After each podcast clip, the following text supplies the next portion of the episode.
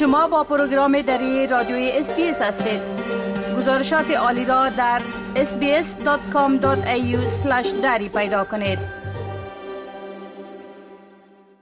شنونده های عزیز حال همکار ما سام انوری درباره مهمترین و جالبترین خبر روز معلومات میده آقای انوری سلام عرض می کنم خب به خاطر بلند رفتن شمار مبتلایان به ویروس کرونا در استرالیا نگرانی های ابراز شده. بله؟ با سلام به شما و شنوندگان عزیز. بله همون دوره که شما اشاره کردید در هفته های اخیر ایالت ها و قلمروهای استرالیا افزایش قابل توجه را در شمار مبتلایان جدید کووید 19 به ثبت رساندند. چنان که می دانید اکنون ایالت ها و قلمروها ارقام مربوط به کووید 19 را به صورت هفتوار منتشر می کنند و طبق آخرین آماری که روز جمعه گذشته منتشر شدن 54661 مورد تازه ابتلا به کرونا در سرتاسر سر کشور در طول یک هفته به ثبت رسیده بودند که بیانگر افزایش کلی 47 درصدی نسبت به هفته قبل آن می باشد. اما افزایش مبتلایان تازه در ایالت های پرنفوس کشور شدیدتر از این بوده طوری که در نیو ساوت ولز نزدیک به 60 درصد و در ویکتوریا هم 62 درصد افزایش یافته. به همین دلیل مقامات کوینزلند هفته گذشته سطح تهدید ویروس را بالا بردن و این به معنای است که مقامات پوشیدن ماسک را در اماکن سرپوشیده جاهایی که رعایت فاصله اجتماعی ممکن نباشه مراکز صحی و هنگام نزدیکی شدن به افراد آسیب پذیر و پیرسال توصیه می کنند نخست وزیر ایالت کوینزلند انستیجا پلیش روز پنجشنبه گذشته اعلام کرد که به باور آنها کوینزلند اکنون رسما وارد موج چهارم همگیری کرونا شده اما گفت که مردم نباید نگران باشند زیرا اکنون مدت زیاد میشه که با این ویروس زندگی کردند و همه می‌دانند که برای مقابله با آن باید چیکار کنند. علاوه بر کوینزلند مقامات صحی ویکتوریا و نیو ساوت ولز هم با انتشار ویدیوهای در رسانه های اجتماعی از آغاز موج جدید از شیوع ویروس کرونا خبر دادند و از مردم خواستند که تدابیر پیشگیرانه را رعایت کنند. در عین حال کارشناسان به این باورند که موج جدید کرونا به سراسر کشور رسیده و در حال حاضر با سرعت پیش می رود که رقم مبتلایان جدید بعد از 23 روز دو برابر خواهد شد. بله خب همچنان از مردم خواسته میشه که اونا در جلوگیری از شیوع ویروس کرونا و ابتلا به این ویروس خودشان هم می‌تونن که جلو در جلوگیری از او کمک بکنن. بله؟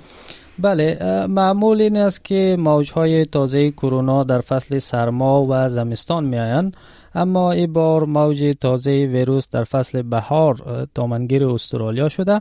هرچند که مثلا حکومت کوینزلند سطح هشدار خود را بالا برده و از ساکنان ایالت خواسته که ماسک بپوشند اما به نظر نمی‌رسه که بسیاری از ایالت های دیگر تدابیر یا مقررات سختگیرانه را روی دست بگیره.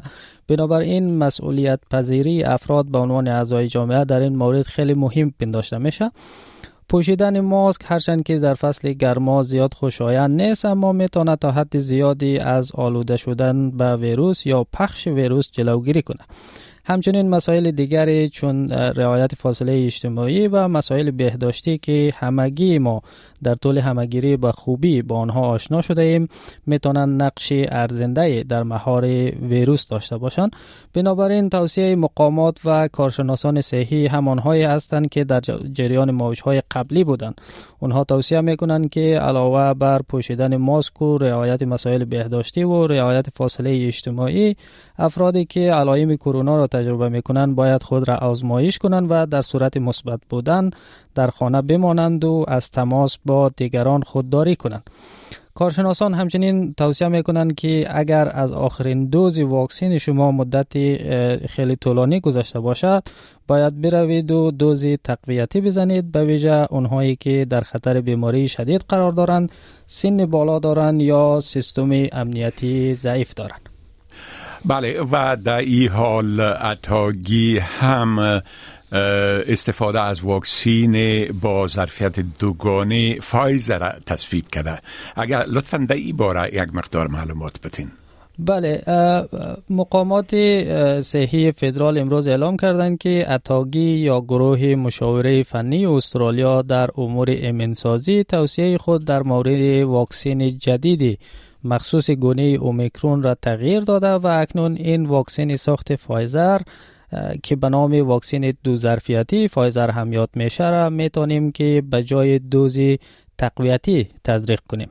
نسل جدید واکسن فایزر البته در اواخر ماه گذشته جواز استفاده در استرالیا را برای افراد بزرگسال دریافت کرده بود اما توصیه این گونه بود که این واکسین را به عنوان واکسین اولی می‌تونیم استفاده کنیم. تغییری که در توصیه اتاقی آمده همی است که حالا میشه این واکسین را در افراد بزرگسال به عنوان دوز تقویتی هم استفاده کرد.